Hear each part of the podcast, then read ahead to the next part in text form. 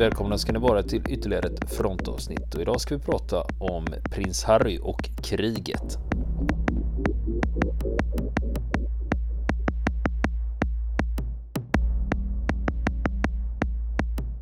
Ja du Niklas, vi håller ju på att snacka om prins Harry. Ja, jajamän. Från, från Storbritannien. Ja, det är ju oväntat spännande faktiskt. Är det ju, för att eh, och se den här andra sidan som man egentligen bara annars har mött i korta filmklipp eller tv-intervjuer när han, när han uh, har burit uniform. Uh, ja. Så det är ju faktiskt intressant att få höra med hans egna ord hur, hur hans tjänstgöring har varit. Ja, det, men ofta, då är rätt i det att när det gäller kändisar och så, det blir ofta lite snuttigt. Eh, och så är det skönt att man kan faktiskt gå till, mm. gå till botten med det och se vad det var som faktiskt hände. Ja, precis. Så jag har ju ja. hört att det, det är ju något slags familjebråk har ryktena nått med som överskuggar allt annat när det gäller prins Harry. Att, ja men det är alltid något mm. känns det som. Alltså de är ja. både Harry och William där. Det Precis. känns de är med där de och deras fruar och flickvänner och sånt. De är med media titt som tätt här. Men ja. jag hänger inte med i svängarna liksom och jag är måttligt intresserad. Eh, mm. Jag, jag, föredrar eh, krig. Ja. Och det gör ju faktiskt Harry också. Han tycker ju det är mer ärlig fight liksom. Han, har ju Han har ju längtat till, till fronten i Afghanistan. Han säger där, liksom, där finns det i alla fall regler. Ja, ja man, kan, man kan nästan undra vad han skulle vilja göra med, med, med brittiska tabloidjournalister. Ja. ja, men eh, ja, så kan det ju vara med kriget eh, och vad prins Harry tycker om det och jämförelse med hans vanliga liv. Men om vi ska tillbaks till grundstoryn här så är det att prins Harry, han går ju numera under namnet Fenrik Wales. Han har kommit till Afghanistan och Forward Operating Base Dwyer och det ligger 80 kilometer från Kandahar. Och det som prins Harry ska göra nu, han ska vara Forward Air Controller. Det är ju det han har utbildats till och det är det som är hans tjänst här. Och den här FOB, jag sa ju det i förra avsnittet att eh, det är lättare att säga FOB Dwyer än att köra hela ramsan då. Eh, när han kommer dit så undrar han, han över namnet på basen. Det visar sig att det är uppkallat efter en stupad soldat som hade kört på en IED. Och det är bra att tänka på det när man ser både dokumentärer och filmer om både Irak och Afghanistan att det är inte ovanligt att de uppkallar baser efter just stupade soldater. Men på den här basen, där är de 50 man och de flesta är artillerister och personal ur Household Cavalry. Det vill säga det är ju samma enhet som eh, prins Harry själv tillhör då. Och eh, när prins Harry beskriver det här i sin bok, eh, han beskriver det som att alla på basen var mer eller mindre täckta av sand och det är sand överallt, inne i basen och utanför basen. Och jag nämnde att det fanns artillerister, för de hade två haubitsar på 105 mm här. Och när Harry ska beskriva det, när de skjuter med dem, han beskriver det som att när de skjuter då skakar dånet om hela kroppen och hjärnan slutar fungera. Och en dag så sköt de med dem minst hundra gånger. Och jag trodde att det ljudet för evigt skulle eka inom mig. Och jag glömmer heller aldrig den oändliga stillheten när kanonerna äntligen tystnade. Och 105 mm det är ju ganska saftigt. Mm. Det kan man lugnt säga. Mm. Men det finns en ledningscentral på basen. Den är insvept i ökenkamouflage. Där tas Harry emot av en furir Baxter. Han visar flera radioapparater och också en Rover-terminal. Och den här Rover-terminalen, det är det som är Prince Harrys primära verktyg här. Det är en liten laptop. Det, det, finns kompasspunkter markerade på långsidan och den har han för att överblicka slagfältet och vad det är som händer både på slagfältet och även ovanför det i luften. Och han dirigerar jetplan fram och tillbaka. Och han beskriver det själv som att han är en säkerhetsvakt som sitter och glor på material från massor av kameror monterade på allt från spaningsplan till drönare eh, som är på uppdrag. Och eh, den här Roven rovern har också ett smeknamn. Den kallas för Död-TV. Det är inte det att det är dött utan att det dör folk på den. Eh, sen eh, beskriver han också att eh, han fick ju lära sig väldigt mycket om hur man pratar eh, när han gick sin utbildning som forward air controller. Det är ju viktigt att det blir rätt. Eh, och piloterna de har olika anrop beroende på nationalitet. Amerikanerna det var Dude och de holländska piloterna det var Mirage eller Rage och brittiska piloter var Vapor. Och eh, Apache-helikoptrarnas anrop det var Ugly. Man kan ju undra vem det är som har valt det här. Och Harry han var Widow 67. Det var hans anrop. Och en av hans uppgifter det är ett tillstånd till att beträda luftrummet och det handlar om att veta att det inte pågår strid i området eller att man har egna styrkor där. Och Harry kommunicerar med piloterna och eh, han pratar så mycket med piloterna så att eh, det blir som att han så småningom bygger relationer med dem. De blev eh, som en sorts kamrater. Och det här skulle man ju nästan kunna beskriva som en administrativ syssla, men det är väldigt mycket som står på spel. Och ibland är det väldigt bråttom när piloterna måste få snabba besked om vad som händer på marken. Och Harry upplever det som att han är i händelsernas centrum ibland. Ett exempel på det här, det är Harry när han beskriver om en forward air controller som var på plats innan Harry själv kom dit. Och den här FAC'n FAC Forward Air Controller, FAC då. Och den här FAC'n hade läst upp koordinater för amerikanskt attackflyg. Och eh, han läste upp en siffra fel. Och det gjorde att eh, resultatet blev en bomb som landade på brittiska styrkor istället för på fienden. Tre män omkom, två blev mycket svårt sårade. Så då förstår man att det räcker att du säger en siffra fel vid ett tillfälle så kan folk dö. Och då förstår man att det är ganska viktigt att få saker och ting rätt. Och Harry, han känner sig själv på topp. Han tycker att det här är ett viktigt arbete. Han känner att han äntligen är en brittisk soldat ute på ett slagfält som kan göra skillnad. Han är nöjd med att vara Widow 6-7. Men ett problem de brottas med på den här basen, det är ledan.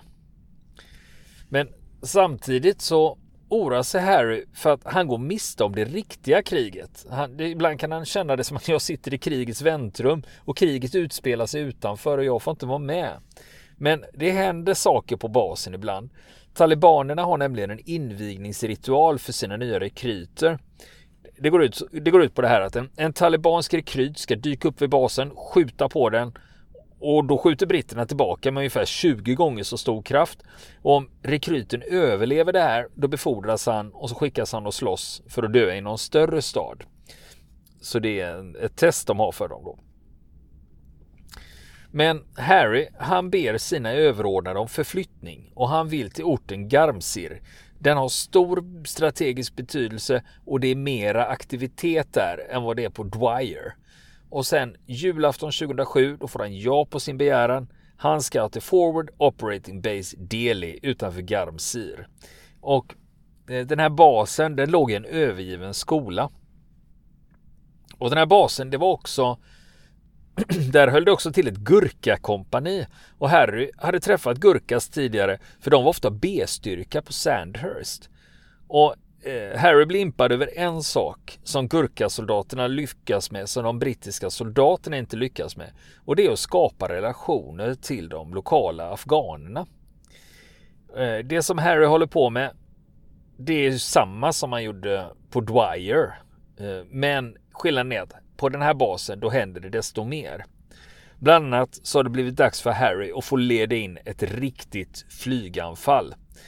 Det är så att de har bevakning på en bunker som inte ligger långt ifrån Delhi. De har observerat värmepunkter där, runt 12 eller 15 stycken. Och Harry planerar ett anfall till dagen därpå.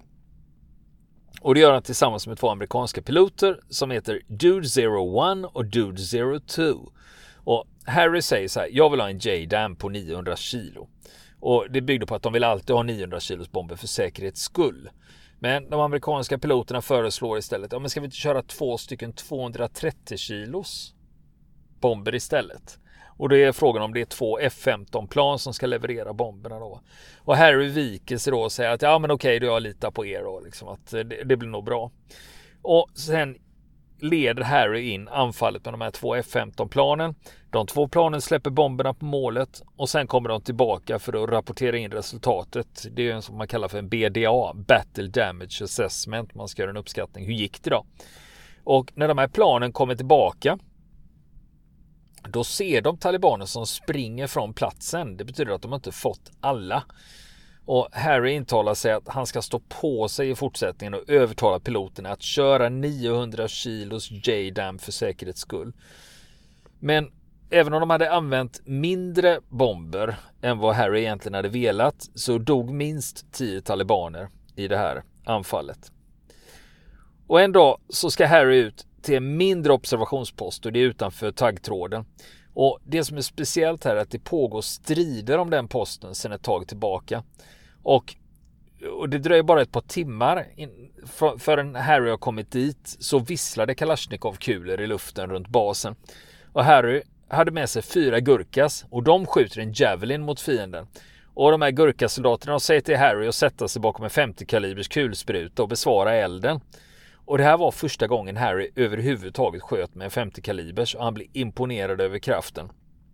Och samtidigt som det här sker, då finns det ju hans gamla bas som hade varit på, Dwyer. De har ju haubitsar där. De stämmer också in med dem i den här striden, så det är rejält med eld.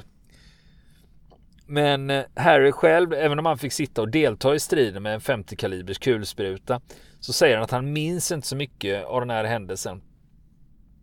Men det som är intressant att veta det var att eh, för en gångs skull så hade pressen fått följa med. Så det var journalister och fotografer på plats under den här eldstriden. Så, det, så de dokumenterade vad som hände där. Och eh, det fanns i och för sig ett löfte då att de fick inte publicera det här förrän Harry hade lämnat Afghanistan. Så det var ett embargo på det. Men det finns videor på det här. Så söker man på det här då kan man få se Prince Harry sitta och skjuta en 50 kalibers eh, Marduce där då.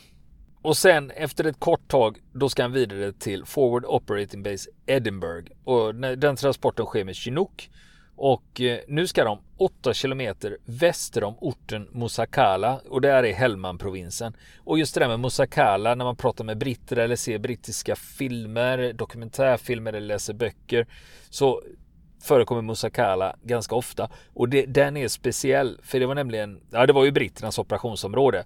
Och de höll orten Musakala fram till 2006 då de fick order att dras tillbaka. Och sen kontrollerade talibanerna orten i nio månader innan britterna bestämde sig för att ta tillbaka den. Och det var mycket hårda strider i samband med det här. Och det är i det läget, då är Harry i närheten. Men det är nu när britterna har tagit tillbaka Musakala, så han var inte med på den grejen då. Och på FOB Edinburgh, då får prins Harry patrulltjänst.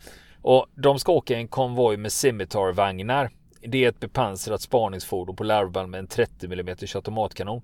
Och vet man inte bättre så skulle man kunna beskriva det som att det ser ut som en liten stridsvagn. Då har man en bild av hur den ser ut. Den ser ut som en stridsvagn fast lite förkrympt då. Och de åker genom Musakala och längre bort. Och, och det är nu.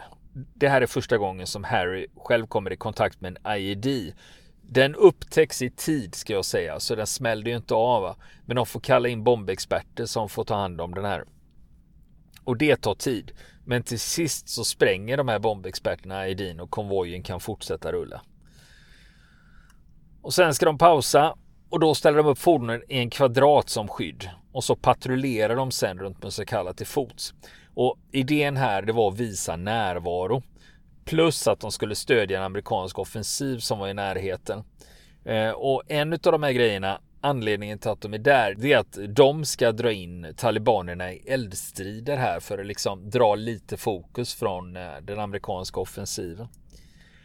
Och Harrys enhet får besök av tre brittiska journalister och Harry får då ta med dem ut på slagfältet i en Spartan. Det är en pansarskyttebandvagn. Och journalisterna tjatar att de vill komma ut och fota och filma men Harry säger att men det är för farligt och det är när de är ute och åker. De vill ju kliva ur vagnen helt enkelt. Men till slut så ger han med sig och de får komma ut. Och precis som på beställning, då börjar kulorna vina runt konvojen. Och journalisterna står som förstenade och vet inte vad de ska göra tills Harry skriker åt dem In i vagnen igen! Jag tänkte det var så jävla typiskt om journalister strök med den och var med Harry ut och åkte pansarskyttebandvagn. ja, kanske han hade gillat. Ja, och nu är det februari 2008. De är ute på patrull, de har stannat med sina vagnar och de ser ljuset från Musakala och de har stannat för natten. Och efter midnatt så hade Harry radiovakt. Han sitter och lyssnar på kommunikationen. Och runt klockan ett får han höra att någon nämner Red Fox. Det säger honom inte så mycket, utan, men han tar lite anteckningar. Men så stelnar han till när han hör skvadron C nämnas. För det är hans förband. Och enligt den här kommunikationen som man lyssnar på det är det att Red Fox är illa ute. Då tänker Harry, vad fan, Red Fox, låter, de pratar om en person. Och de pratar om att Red Fox skulle mördas och att det fanns en hotbild. Då fattar han att Red Fox, det är ju deras kodnamn på mig då. Som han inte har fått höra tidigare då. Eh, och det som det visar sig då det är att Prince Harry har ju varit anonymt i Afghanistan. Utan journalisterna som har varit där och filmat och fotat så de har ju haft embargo på sina grejer. De har inte fått berätta att han är i Afghanistan. Det ska ju vara hemligt va? för han kan ju bli ett high value target för fienden då. Ja.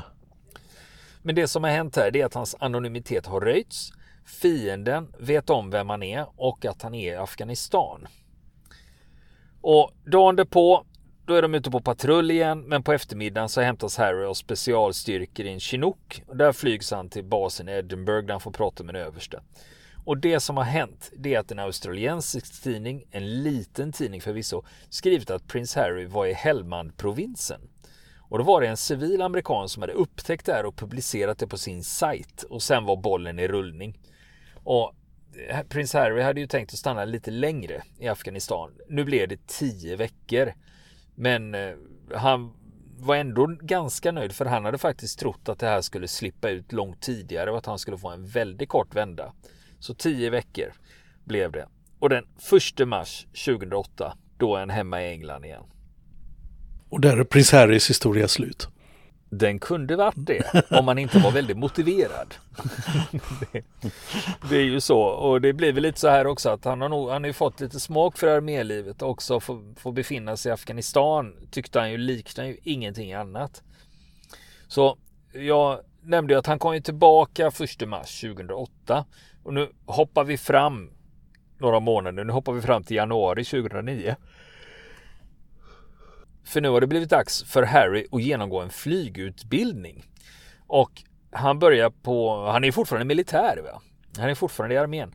Eh, hans flygutbildning börjar på RAF Barkston Heath. Det ligger i Lincolnshire i nordöstra England. Det är 16 mil norr om London. Och det här är något som vi svenskar ofta inte tänker på. Det är när vi snackar om det här med avstånd. Att jag som göteborgare sätter mig i bilen och kör till Malmö 30 mil eller Stockholm 50 mil, det är liksom ingen grej för mig. Men i andra europeiska länder så är det jävligt långt. Va? Och om man tänker sig hela England då. Det är 50 mil långt, alltså från skotska gränsen ner till sydkusten. Det är 50 mil och för oss svenskar liksom, vad fan 50 mil. Och, och då kommer jag, och så här, när jag då jämför med det här liksom, då tycker våra lyssnare uppe i Norrland, vad fan 15-16 mil, det är ju fan ingenting liksom. Så man har lite olika perspektiv på det där. Hur som helst, eh, Harry han är Lincolnshire och det är dags för honom att påbörja en flygutbildning. Och det här var inte bara liksom att ringa och säga hej det är prins Harry jag vill börja här utan han har gjort alla undersökningar och antagningstester som har krävts för att komma in på den här utbildningen också. Det första han får prova på att flyga det är ett skolflygplan. Det är en brittisk Firefly. Det är en enkel propellerkärra de håller på med lektioner tills Harry är redo att göra en soloflygning. Och så fort han har klarat den, då är det dags för nästa steg i utbildningen. Nu är det nämligen dags för helikoptrar. Det är det som är målet för Harry. Och då ska han till RF Shawbury. Det är 6 mil nordväst om Birmingham. Det ligger i West Midlands. Men innan utbildningen startar för Harry så måste han klara de antagningstesterna. Och apropå helikopterutbildningar. Svenska försvarsmakten, de har inte längre grundutbildningen till helikopterpilot i Sverige. Utan de, får, de eleverna, eller officerarna, eller kandidaterna, vad säger man? Kadetterna? Eh, något sånt. Ja, de, de, de får gå i Tyskland. Och då läser de tillsammans med danska, tyska och holländska elever. Och de är där i ett och ett halvt år innan de kommer tillbaks till flygskolan på Malmen i Linköping och får fortsätta sin utbildning där. Det är bra tips om det är någon som har någon eh, tonåring eller 20-åring som inte vet vad de ska göra. Då kan man eh, ägna sig åt sådana grejer om man tycker det verkar kul. Men Harry tyckte det var fantastiskt att få flyga helikopter. Han tyckte, men själva flygningen och flyga en helikopter framåt och så, det tyckte, det klarade de flesta. Men hovringen, det var speciellt. Han tyckte att hovra, det blir svårare ju mer man övar på det. Han berättar om ett fenomen som på engelska kallas för hover monkeys. Eh, det är så när helikoptern ligger alldeles ovanför marken då påverkas den av flera olika faktorer. Det är luftström, det är fallvind, det är gravitation. Och han beskriver det som att först kränger den, sen vaggar den och sen girar den ur kurs. Och det är som om osynliga apor hänger i landningsställen och rycker i dem. Eh, det är därför de kallar det för hover monkeys. Och för att landa så måste piloten skaka av sig aporna och inte låtsas om dem.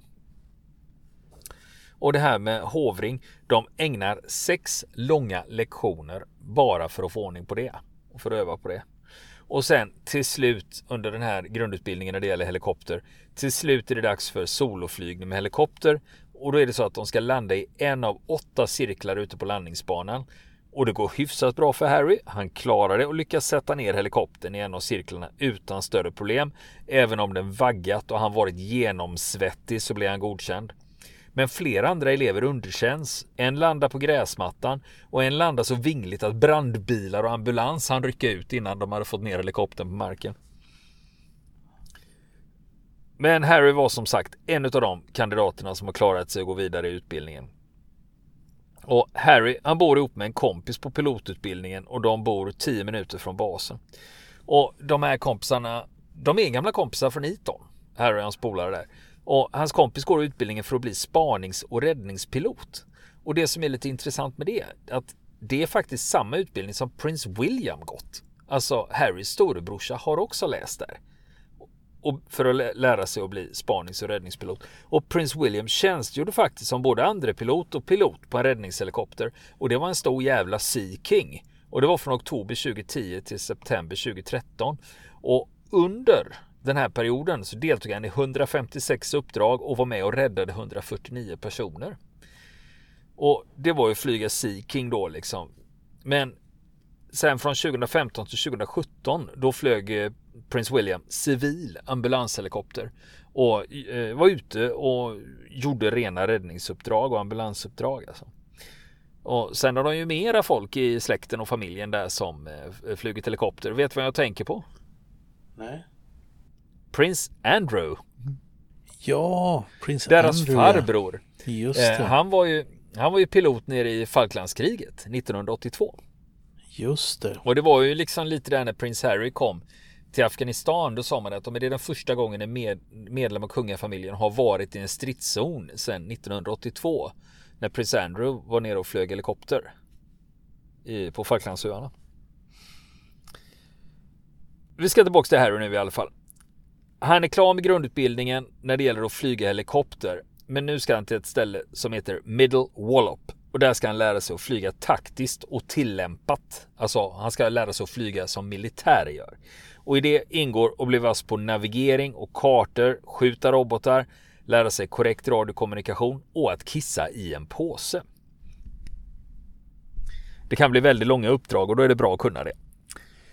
Och Harry, han beskriver det här i sin bok som att det de lär sig nu på Middle Wallop, det är det här att nu lägger man flera lager av kunskaper på varandra och allt det här måste kunna tillämpas samtidigt. Det innebär att han beskriver det som att för att kunna bearbeta den här mängden med information, då måste hjärnan koppla om. En normal hjärna klarar inte det. En normal hjärna klarar inte belastningen att ta in så mycket information, bearbeta den och sedan agera. Och han har fått en handledare, en flyginstruktör som heter Nigel. Och den helikoptern de börjar med, det är den franska Eurocoptern AS350 Squirrel. Eh, den är fransk tillverkad av Aerospatial och eh, Airbus. Och den här delen av utbildningen, den tar månader. Och Harry, som numera hunnit bli löjtnant Wales, han respekterar sin instruktör Nigel rejält. Harry beskriver Nigel som en man med en vilja av stål, ett enormt tålamod och en klockren uppriktighet. Han lindade inte in något, han väjde aldrig för att säga sanningen eller uttrycka en obekväm men nödvändig åsikt. Men ändå till sist, trots att den pågår så länge, så avslutas den här delen av Harrys utbildning. Och nu är det dags för nästa steg För Harry ska utbildas till att bli Apache-pilot. Han ska flyga attackhelikopter. Men nu är det ju så här att det är inte bara att hoppa in i kärran och dra iväg. Va? Nej, nu har han ju fått lära sig liksom först lite basic och sen liksom att flyga militärt. Men nu ska han få lära sig attackhelikopter. Och det första de ska göra då, det är att de ska sitta och nöta böcker och kursmaterial om Apache i tre månader i ett klassrum. Alltså inte ut och flyga och sparka på däck och sådana grejer, utan nu är det teori. Och för många här så är det nog en dröm att få vara på väg och bli en Apache-pilot. Men inte för Harry. Han vill inte flyga Apache, han vill egentligen flyga Lynx. Det är ju en brittisk helikopter, Westland Lynx då. Det är en multiroll och den är mindre än Apache. Men framförallt är det att det går fortare att lära sig att flyga Lynx. Och det är därför Harry vill lära sig Lynx, för då kommer han till kriget snabbare. För ska han hålla på med Apache, det tar en jävla tid tycker han. Och han frågar faktiskt sin chef, varför ska, varför ska jag flyga Apache? Varför kan jag inte få flyga Lynx då? Och anledningen som han får höra av chefen, det är att nej, han säger till honom, Harry, du är en bra helikopterpilot vid det här laget. Och du var en utmärkt forward air controller och de kunskaperna är fantastiska att ha om du ska flyga attackhelikopter. För han har ju suttit på marken och lett in Apache i anfall och då är det logiskt att han snabbare kan lära sig den delen om man ska bli Apache-pilot. Så det är så de motiverar att han ska flyga attackhelikopter då. Och sen tycker hans chef också att Harry är väldigt bra på att läsa av marken när han flyger. Så Harry får helt enkelt bita ihop och lägga massor av energi på att hänga med i teoriutbildningen. Men till slut så är han igenom den. Det är där vi kommer att avbryta det här avsnittet och så får ni vänta mm. till nästa vecka ni får höra hur det är när Harry för första gången ska få sitta i en Apache på riktigt. Och sen blir det ju Afghanistan. Vill ni komma i kontakt med oss så kan ni göra det via vår Facebook-sida som heter Fronten. Det är inga problem för er att leta er fram där. Eller också så mejlar ni på vår mejladress och det är frontenpodcastgmail.com.